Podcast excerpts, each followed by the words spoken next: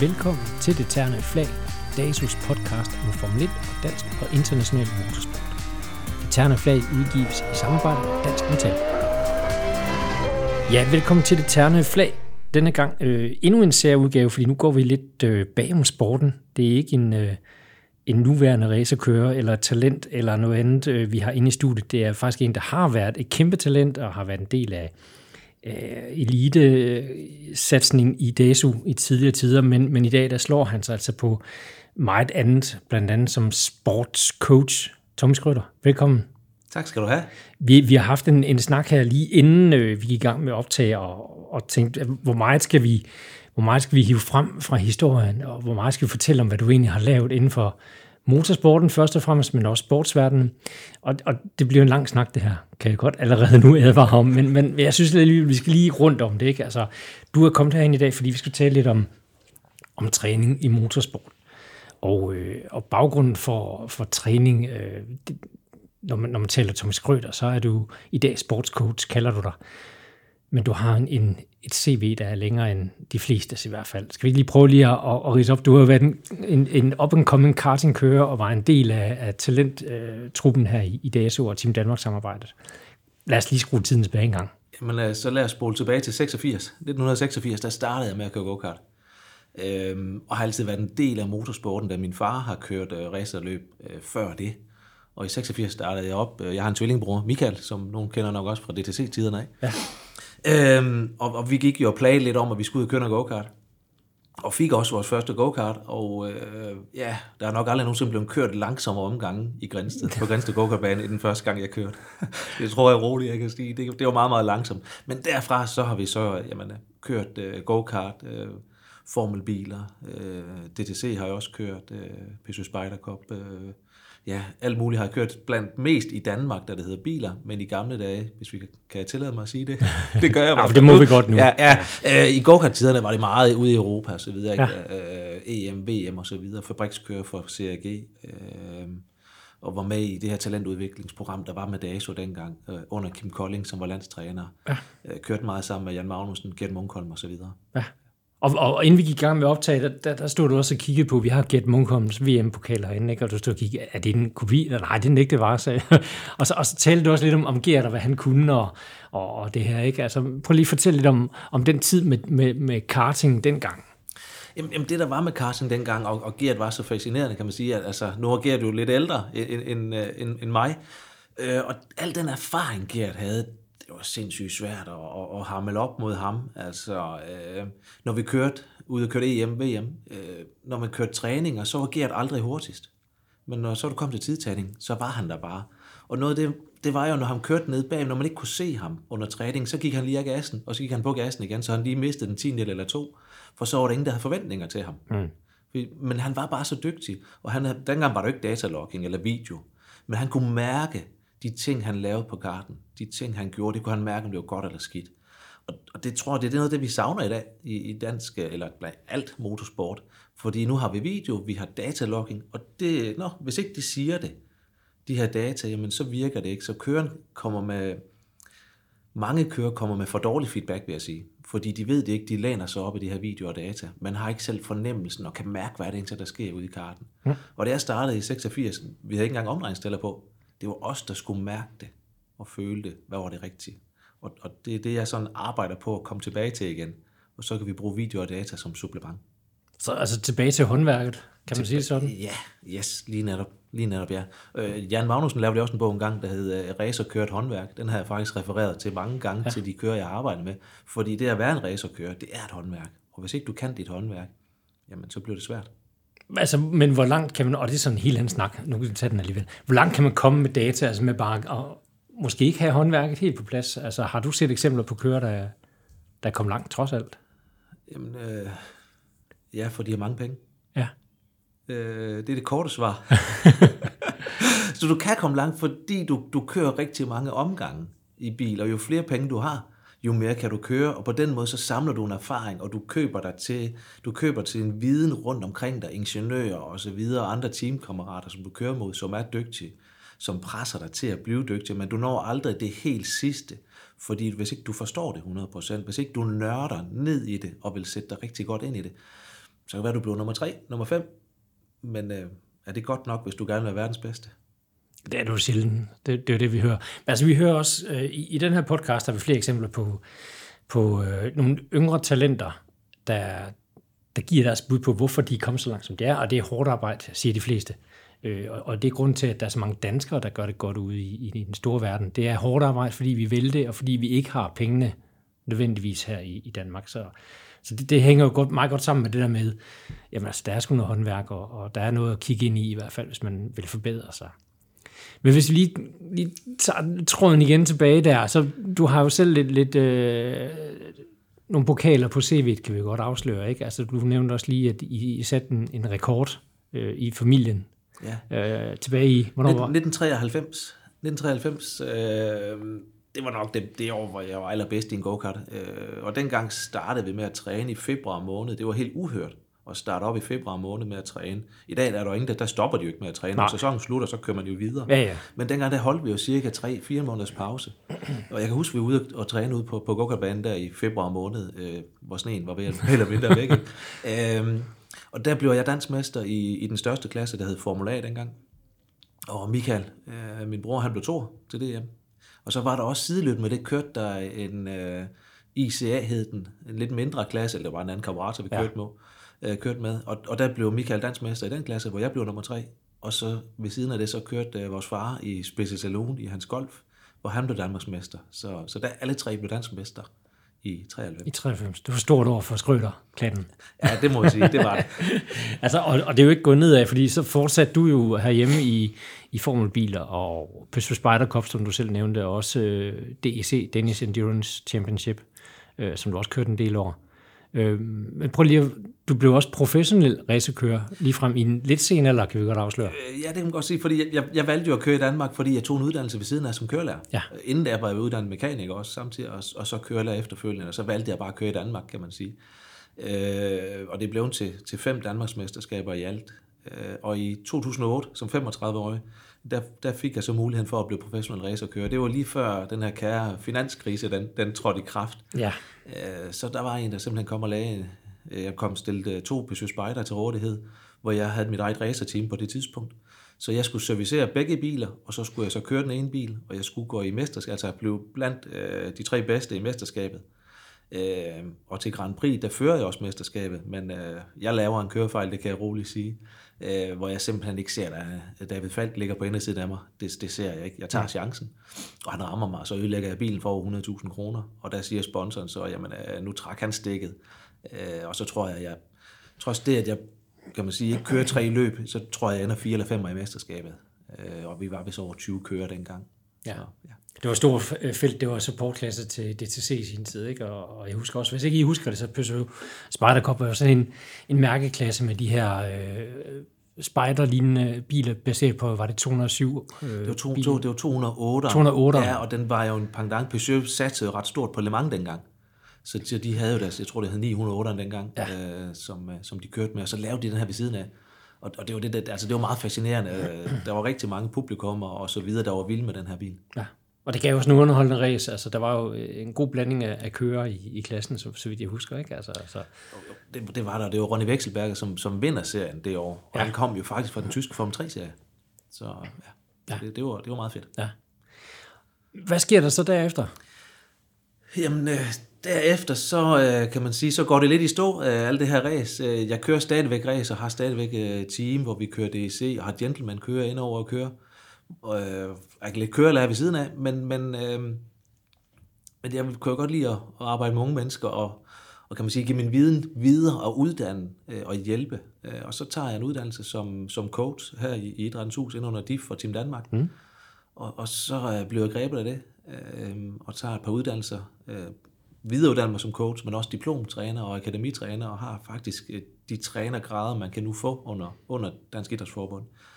Og så, øh, ja, så, kan man sige, så, så har jeg bare arbejdet med, med det, øh, med alt det sportspsykologiske og trænerdelen, og, og kombineret de to ting. Ja. Øh, og du har udvidet CV lidt, fordi sådan, der, der skal en lille sniger på din hjemmeside, fordi jeg, jeg sagde, hvordan er det, jeg skal introducere dig? Er det, er det Tommy motorsportscoach? Eller nej, fordi der står faktisk sportscoach nu.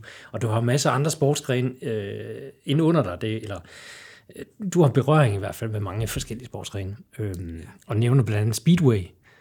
Ja, Speedway er- kommer jeg mere med ind under, øh, og, og faktisk også, øh, jeg har arbejdet med, med U21-landshold, både Speedway og motocross på det mentale område, og nu er jeg tilknyttet Sønderlands Elite Speedway, øh, og har cirka syv speedwaykører, som jeg arbejder med hen over, hen over sæsonen. Og, øh, og så har jeg været tilknyttet øh, Talentcenter Haderslev i, i to år, som det, der hedder sportspsykologisk konsulent, og også været inde under Sønderjysk øh, udbold, altså deres... Øh, dengang var det Superliga, nu er de jo så ned i første division, øh, og jeg har ikke det, det, det hverken det, de blev i Det var ikke- Superliga, så videre, det nej. har ikke, nej, nej, nej, det har ikke noget med mig at gøre, øh, det skal jeg ikke tage æren af, de, de blev der, så videre, slet ikke, men, men der var inde omkring fodbold, Ja. ja. og oplevede den verden, øh, og var med dem på, øh, på træningssamling i Tyrkiet og så videre også, og det, øh, det er en anden verden i hvert fald, men, men meget, meget spændende også at være over i, i, i andre sportsgrene, for der er mange paralleller, man kan trække. Svømning, tennis, ishockey. Øh, der har jeg arbejdet med, med idrætsudøvere derinde om. Og, og hvilke paralleller kan du trække? Altså, hvad, hvad kan du bruge fra de der forskellige verdener? Øh, Øh, den måde, de træner på, den måde, de arbejder på. Nogen har jo mulighed for hver eneste dag at, at træne. Fodboldspillere kan jo bare gå ud på en mark og træne, hvis det er det, de gerne vil. Mm. Øh, ishockey kan jo heller ikke. Det er lidt ligesom som, uh, motorsporten. Øh, de, de har jo også begrænsninger, fordi de har, der er ikke ret mange ishockeyhaller i landet. Øh, De har ikke ret meget istid, så når de er på isen, jamen så skal de være effektive, de skal være målrettet med deres træning for at få noget ud af det. Og, man kan jo sige, at de danske ishockeyunion, de har i hvert fald uh, succes pt. Mm-hmm. Så, så de er meget, meget målrettet på deres træning. Og, og det er det, jeg synes, der er fascinerende. Og det er også det, vi skal være i motorsporten, fordi vi er også vildt begrænset. Øh, både støj og banemæssigt og, og økonomi. Så når man er i go-karten, er i racerbilen, så skal man være bevidst, og man skal være målrettet på det, man gerne vil ud og arbejde med altså, min, mine børn, øh, og det undrer jo mange, men mine børn, de dyrker ikke motorsport på nogen måde. Tværtimod, så, øh, så spiller de badminton. Og, og der har de jo den luksus, at vi bor 500 meter fra badmintonhallen, og de kan bare gå derned. Der er faktisk en åben hal flere dage. Øh, Men når de så træner dernede to gange om ugen, så, så træner de meget målrettet også, så det hedder, i dag der træner vi clear nede ved baglinjen, et eller andet. Men når det er motorsport, så er det jo, som du selv siger, sindssygt begrænset. At der er støjekrav, øh, men der er også prisen for at, at lege en bane. Altså bare det at komme ud, og, og en bil eller en go-kart skal jo også øh, serviceres, når den har været ude og, og teste eller træne. Så, så i motorsporten er vi jo meget begrænset. Øh, og hvordan, hvordan kommer man ud over det? Altså, der er træningerne til løbsweekenderne selvfølgelig, men, men det er også igen meget begrænset. Så hvordan, hvordan gør man sig bedre der? Jamen, det, det gør man jo ved at forberede sig. Jeg har jo en lille bog liggende foran mig, jeg har også forberedt mig til i dag. Ja, Så, så du kan se, der står nogle det, ord det, lyder, her. det er jeg glad for. Lige. Men, men det er jo ved at sige, hvad er det, jeg gerne vil have ud af i dag? Og, så, Ja. og jeg kan godt lide, at du lige bringer badminton på, på, på banen. Øh, faktisk i øh, min uddannelse som akademitræner var jeg jo nede en, en dag og sidde hernede i, i, i, i Brøndbyhallen, fordi mm. øh, badminton holder jo til her med deres, øh, med deres landshold. Ja. Og sidde og se dem træne. Øh, for det første så kunne vi ikke se forskel på, øh, om, om det var landshold, eller det var dine børn. Jo, vi kan se det på alderen.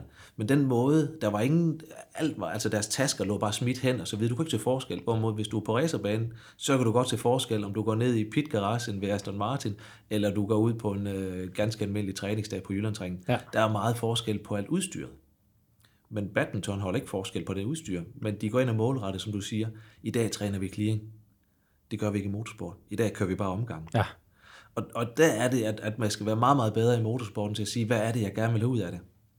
Jeg, jeg, jeg synes jo, noget af det dårligste råd, folk giver nye kører, det er, at de siger, I skal bare køre omgang, så kommer det.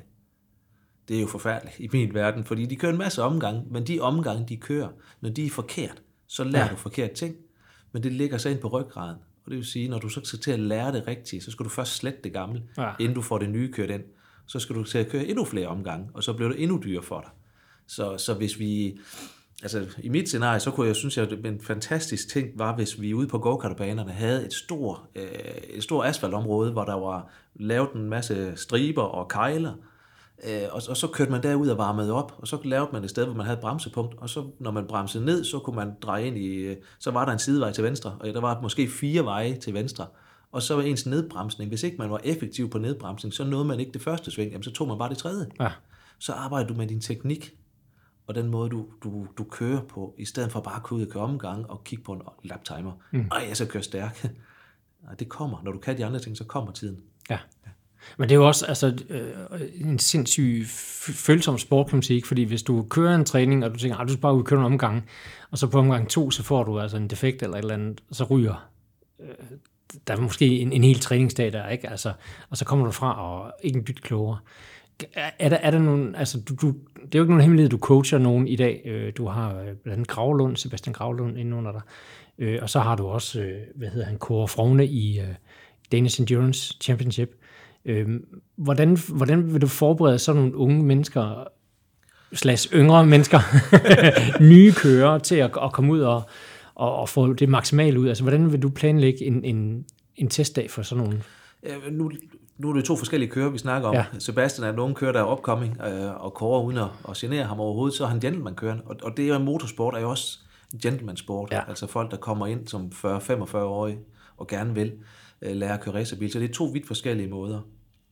Øh, Sebastian startede op med, efter I har været i England med ham i, var det februar måned, ja. hvor, hvor I har været over ved Ice derovre og trænet en masse ting, så kom han til mig ugen efter.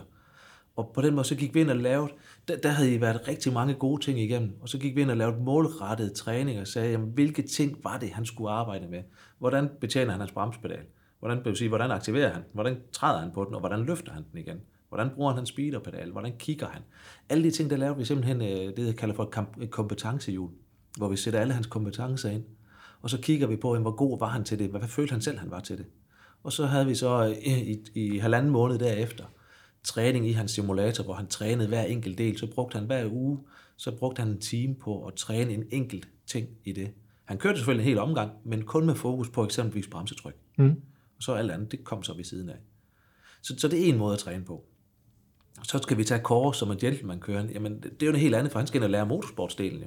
Så det er ud at bare lære, hvordan, hvordan kommer man ud af pitten? Hvordan, det her med ikke at krydse den hvide linje på vej ud af pitten, så du får en tidsstraf. Øh, eller får, får en straf, fordi du ikke har opført dig, altså kender reglerne. Ja. Øh, så, så der er sådan nogle ting, hvor, hvor vi er inde og kigge på det, og så ud at lære at varme dækken op, ud at lære at være, kan man sige, at være hurtigere på de første par omgange. Hvor sådan en som Sebastian, det kan han jo godt, for det kender han fra go-kart-tiden. Ja. Så, så der er så mange forskellige øh, ting, du skal gøre. Og, og det er da vigtigt for mig som træner, at jeg ved så meget som muligt, og kan, og kan se på, hvilke behov er det, de har, og kan sætte det i spil til dem. Ja.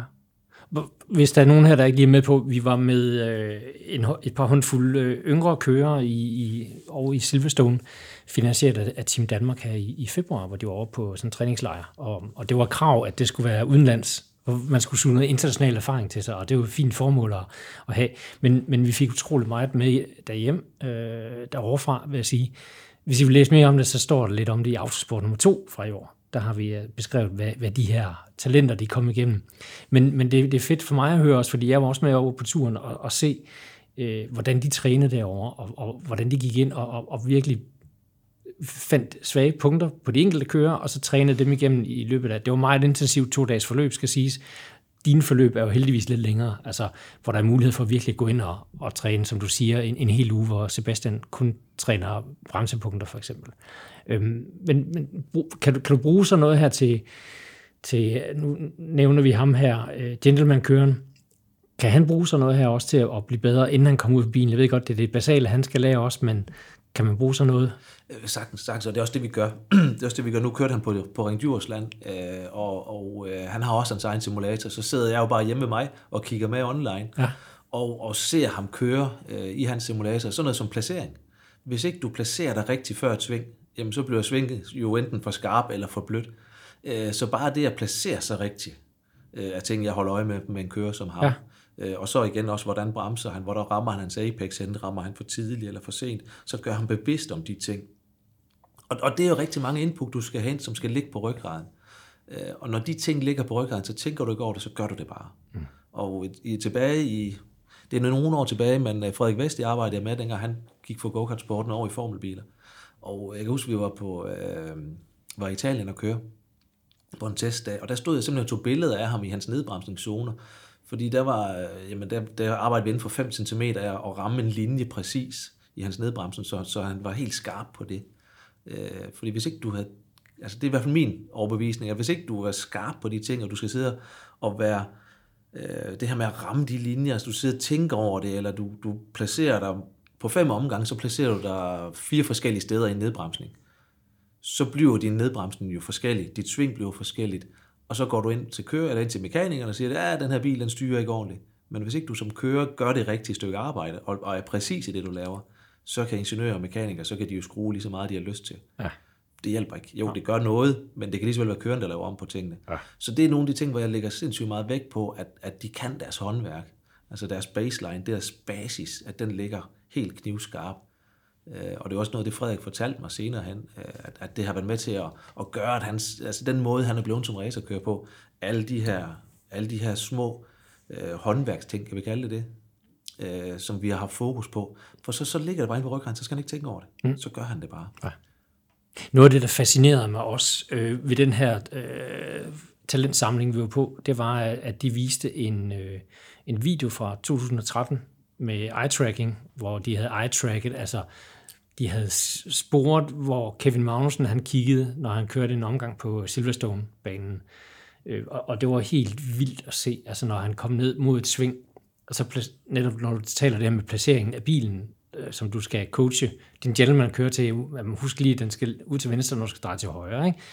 Men han, han, han var jo helt ude til venstre, men hans blik var langt igennem det sving, han skulle igennem næste gang, og det var fascinerende at se. Og de unge kører, der sad og, og, og kiggede med det, de var sådan helt, okay, skal man kigge så langt ud? Altså det, det kunne man godt se på dem, at de var sådan helt, ah, det, det er ikke der, vi plejer at kigge, fordi den vanlige er nok, du kigger lidt ud til venstre, ej, jeg skal ligge herud, og så kigger du ned i Apex, jeg skal ramme cirka der, ikke? Men altså, Kevin tilbage i 2013, altså det var i Formel Renault, 3,5 dage, der var han allerede langt videre, ikke? Altså, øh, fascinerende at se. Det, det er meget fascinerende, og det er jo en video, som iZone yngre, ynder at, at sætte på, yes. fordi det er Kevin, de har haft, der har kigget længst frem. Ja. Øh, jeg arbejder rigtig meget med øjnene også, og blandt andet senere i dag, der har jeg faktisk et møde inde i København med et dansk firma, der hedder iMotion, som er specialister i at måle øjne, øh, puls, øh, stressniveau på, øh, på mennesker. Mm. Øh, så der har jeg møde med dem, hvor vi har, vi har faktisk også kørt et forsøg igennem her i, i marts måned på Padborg Park med racerkører med eye-tracking, hvor vi har taget det væk fra simulatoren, taget det ud i det virkelige, ud på racerbanerne. Okay. Øh, og, og det er også ting, som, nu snakker vi om, vi, vi går bag, bag scenen, ikke? så det er også ting, jeg arbejder med inde bagved. Så, ja. så der, der, der ligger mange ting i det, som du virkelig med øjnene kan arbejde med. Og noget af det, man kan se, det, det er ikke ved ISO, der kan du bare se, hvor du kigger henad. Det vi har arbejdet med her også, det er, at man kan se på, hvor mange gange blinker kørende. Så det vil sige, at den måde, de sidder og blinker på, fortæller, hvor meget hjernekapacitet, hvor meget, hvor meget har du råderum over. Har du overskud, eller har du ikke overskud? Så, så det vi fandt ud af, det var nogen, at det her det var nogle af de rigtig, rigtig dygtige racerkører, vi har i Danmark. Øh, jeg må desværre ikke nævne navn på dem, det... de har forpligtelser andre steder, ja. Øh, men, men det er verdenstoppen, og nogle af dem, der ligger lige under, der er på vej op. Ja. Øh, og, og, og verdensmesteren her, kan jeg godt tillade mig at sige, han er, han blinker flere gange på en omgang, end, end de andre upcoming talenter. Og det viser, at han har mere, han har mere overskud til at, at sende besked til øjnene, at de skal lige blinke, så de lige er klar, mere klar til næste sving, for eksempel. Ja. Ja. Ja, vi ser også nogle verdensmestre, ikke nogen navne nævnt, der, der har overskud til at se og, og vinke til kamera og så videre rundt på banerne. Øhm, men, men, men altså, det er, jo, det er jo super fascinerende at dykke ind i det her, altså, øh, og, og du viste mig, det er ikke nogen hemmelighed, øh, før vi gik i gang med optaget, der, der så jeg øh, et stykke software, som du er i gang med at få udviklet, det er tæt på at, at blive færdigt hvor du kan sidde og træne de her ting også. Altså virkelig, sidde hjemme i stuen. Øh, det koster ikke 25.000 at lege din stue forhåbentlig, men, men du kan sidde hjemme i din egen stue og, og sidde i simulatoren og sidde og træne det her. Kan du lige prøve at, at beskrive det?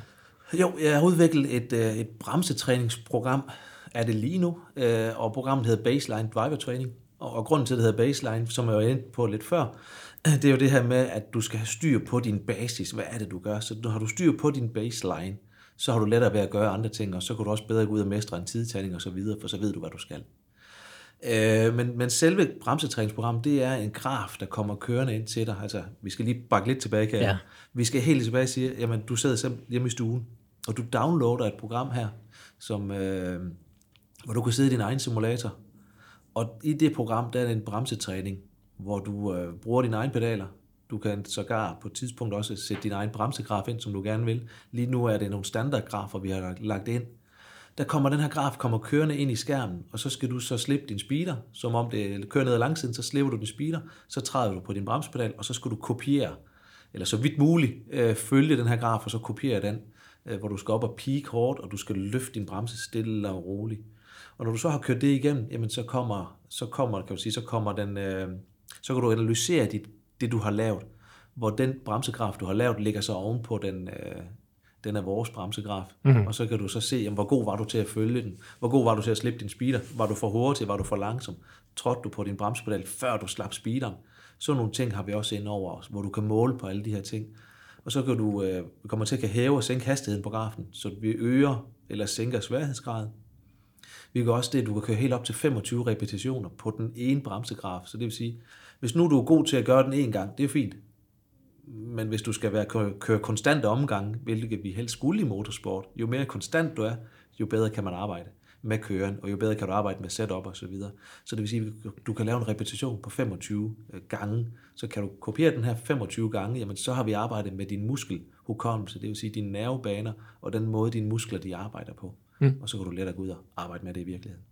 Og, og, og nu er det jo stadig lidt tidligt i, i stadiet her, ikke? Men, men, men der er mulighed for, løfter du lige en fli af, at man kan hive nogle data ud fra en, en, en rigtig racerbane.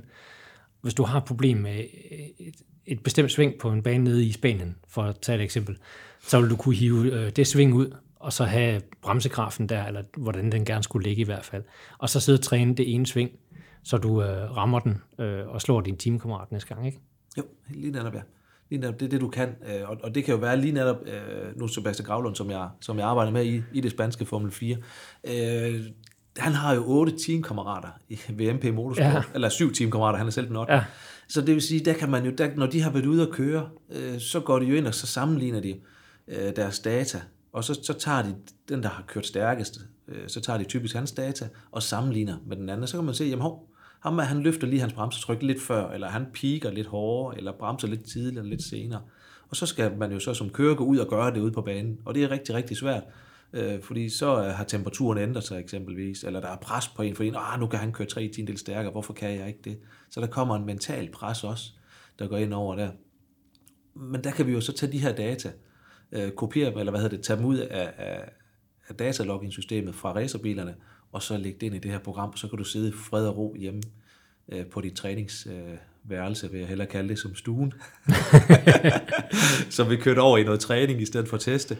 Øh, og så kan du så sidde stille og roligt, og så bare kopiere og kopiere og kopiere, altså, så du virkelig kører, kører de her ind i dine muskler, kører det ind i dit hoved, visualiserer det via dine øjne, får det visualiseret ind i hjernen, og får det visualiseret ned i kroppen, ned i benene, så, så det ligger der. Og jo flere gange du kan gøre det, jo flere gange du kan gøre det præcis, jamen jo mere skarp står du, når du skal ud og køre. Og, og, og hvorfor er det, altså du nævnte over for mig det her med muskelhukommelse. Kan du lige prøve at sætte ord på, hvad er det, hvorfor skal du sidde og gentage det her? Jamen, det er jo sådan, at den måde, vores krop arbejder på, øh, vi har alle sammen prøvet at skulle noget nyt, skulle lære noget nyt, så kan man det ikke, når man skal prøve det første gang. Men jo flere gange man gentager det, så begynder hjernen simpelthen at arbejde med at få sendt de her signaler via nervebanen ned i musklerne til at gøre det. Og så bliver musklen skarpere og skarpere på at gøre det. Så jo flere gange vi gør det, jo mere præ- præcis bliver det, og mere skarp bliver det, du gør. Og det, det, det kan faktisk tage mig lidt ud lige af en anden tangent. Vi springer lidt i dag. Jamen, det må du gerne. Det er fint. Fordi jeg, jeg har snakket med, med Jakob Nørtoft om blandt andet, så det med at køre tidtagning. At øh, han synes, danskere generelt har svært ved at køre tidtagning.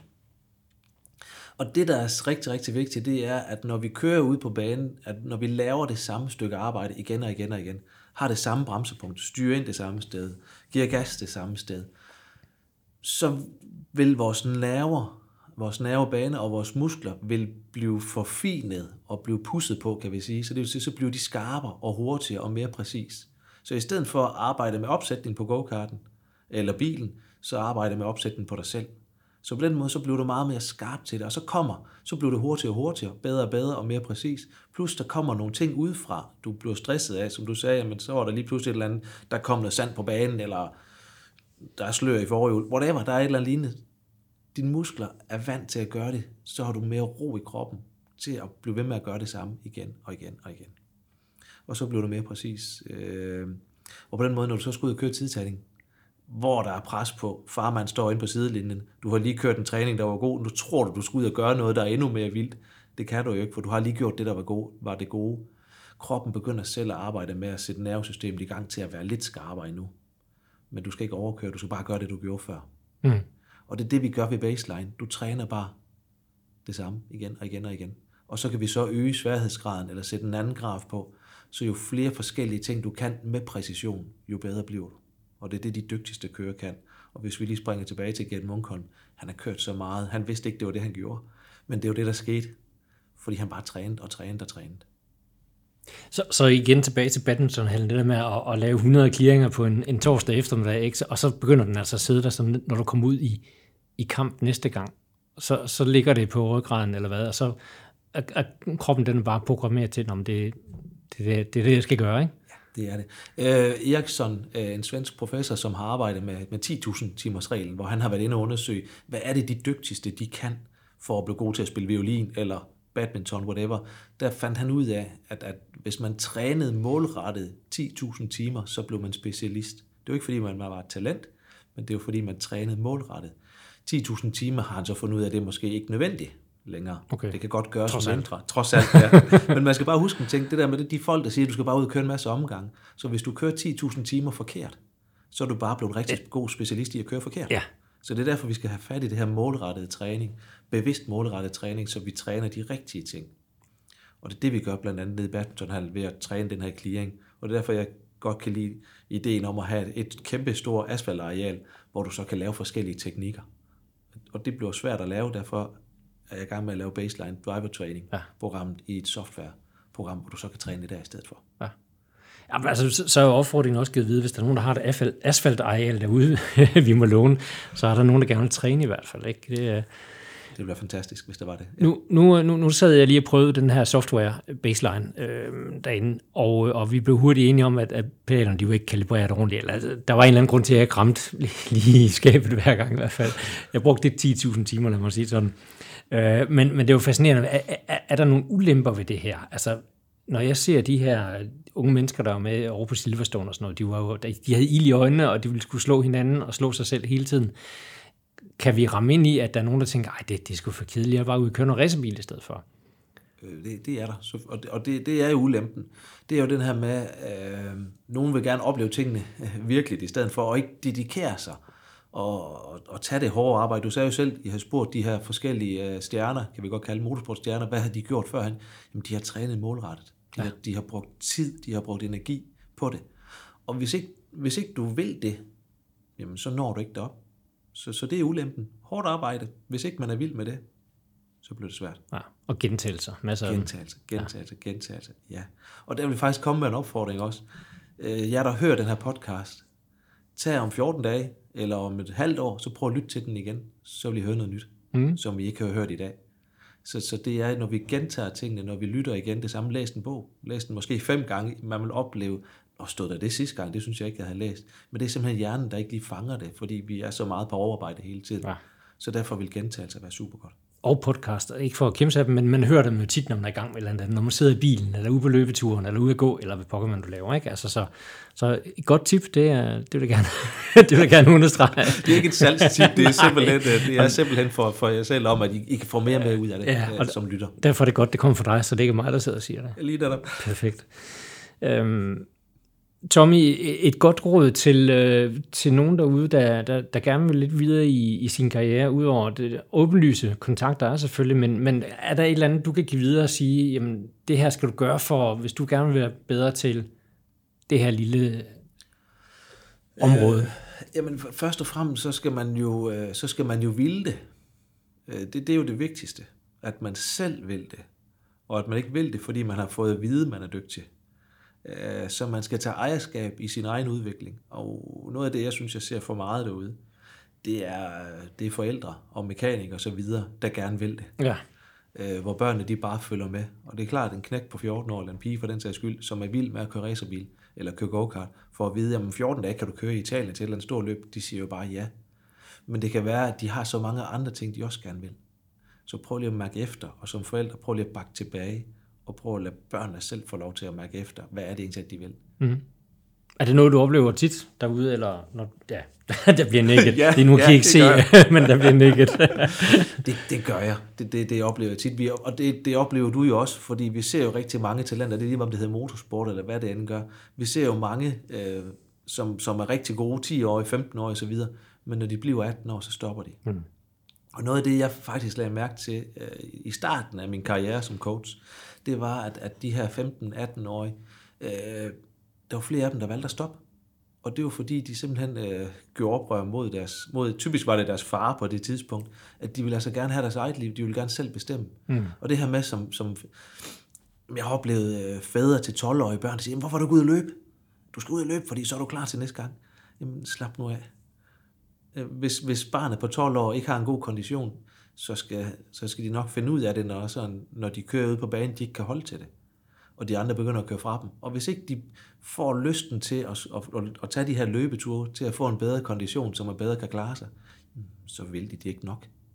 Så, så sparer de penge, og så gør noget andet. Ja. Tag på ferie med dem, i stedet for at hygge jer. Ja. Ja. Men hvis de rigtig gerne vil det, så skal det nok komme. Og der har vi jo et fantastisk eksempel i, i Frederik Vesti. Øh, om nogen, øh, så vil han det ikke. Altså, han gør jo alt det, øh, der skal til for det. Øh, hans far har offret meget. Han har også offret lidt. Det har han, ja. Men nu har jeg været med på sidelinjen og været med ind over det også. Og det er Frederik, der er drivkraften. Det er ikke Peter, der er drivkraften. Nej. Så, og, og det er, ja, der er ikke mange, der har det i sig og vil det så meget. Nej, så Peter Vesti er vel opbakningen, det er jo et bedre, et bedre ord, ikke? Altså, ja, og... det, det, det er det, ja. Det, det er bedre. Hvad opbakning og støtte? Og, og Jan har jo også udtalt en gang øh, omkring Kevin, at da han først trådte tilbage og bare var far, jamen, så blev det meget bedre for Kevin. Ja. Så bare nøjes med at være far og mor, i stedet for alt det andet, som I ikke er. Vi, vi, vi ser ufattelig mange eksempler på, at, at det går øh, ikke nødvendigvis galt, men lidt skævt i hvert fald. Ikke? Altså når, når far eller mor skal være både coach, træner, mekaniker og så videre, teamchef, ja. chef og far og mor. Ikke? Altså det, det er mange kasketter her på. Det, det, det er det, og jeg, er selv, øh, jeg har selv tre børn, så øh, jeg har også erfaring på det område, og jeg har også lavet masser af erfaring. Og især den ældste af dem, det er ham, jeg har nok øvet mig mest på, så det er nok ham, der har fået de fleste, kan man sige, uh, lusinger på det område. Ikke? Uh, og så bliver vi jo dygtigere og dygtigere og bliver mere og mere bevidste om, hvad er det egentlig, der virker for os som, som fædre og mødre? Hvordan skal vi egentlig opføre os over for vores børn? Ja. Men altså fra en, øh, sige, en, en, en tur fra karting og så over øh, professionel racekører i en relativt sen alder til teamejer og, og nu altså coach øh, med et, et job ikke bare i motorsporten, men også i sporten generelt. Altså, og det er jo også noget af det, vi gerne vil beskrive her i, i podcasten. Det er jo, hvordan man kommer i, i, i gang med motorsport. Og der er jo mange veje ind i motorsporten, også som frivillig, også som med, med job i motorsporten, ikke nødvendigvis som professionel kører. Øh, og vi har også en, en anden podcast på Beding, kan jeg godt afsløre her, med, med en, der også har valgt en, en lidt alternativ karrierevej inden for motorsporten mere om det senere. Men nu sidder du her i, i dag i studiet og har møder og, og sådan noget, og, og, og, og lever af at være i sporten, og hvordan, hvis du skal kigge tilbage, hvordan synes du, er du tilfreds med sådan et liv i motorsporten? Det må være, øh, for sådan en som mig, må det jo være drømmen at kunne, kunne leve af det, ligesom jeg gør også, ikke? Ja, det er jeg. Det er jeg. Øhm, jeg havde jo også drømmen om at skulle være Formel 1-kører, og, ja, og, og, og leve af at være racerkører. Øhm, og jeg må, når jeg kigger tilbage, så må jeg bare kende, at dengang jeg var 18 år, der turde jeg simpelthen ikke tage springet og flytte til Italien eller flytte til England. Jeg havde mulighederne for at gøre det. Jeg havde også farten til at gøre det. Øh, men jeg turde ikke. Jeg havde simpelthen ikke mod til at, at, rykke hjemmefra. Og den trygge base, jeg havde hjemmefra, den turde jeg ikke at, at, at slippe og tage afsted. Ja. Øh, og så vil jeg sige, at øh, jeg, jeg tror, det er jo svært at vide, vi kan ikke spole tid tilbage. Nej. Men øh, jeg har et smil på læben om morgenen, når jeg vågner op øh, og arbejder med, med de mennesker, og, som jeg gør, og kan udvikle mennesker osv., det, det, er, det er fedt. Mm. Ja. Og, og du kommer ud og ser en masse race og, og oplever øh, en del? Ja, det gør jeg på. Ja. På torsdag flyver jeg til Valencia, ned og skal arbejde med Sebastian øh, Gavlund øh, i det spanske Formel 4.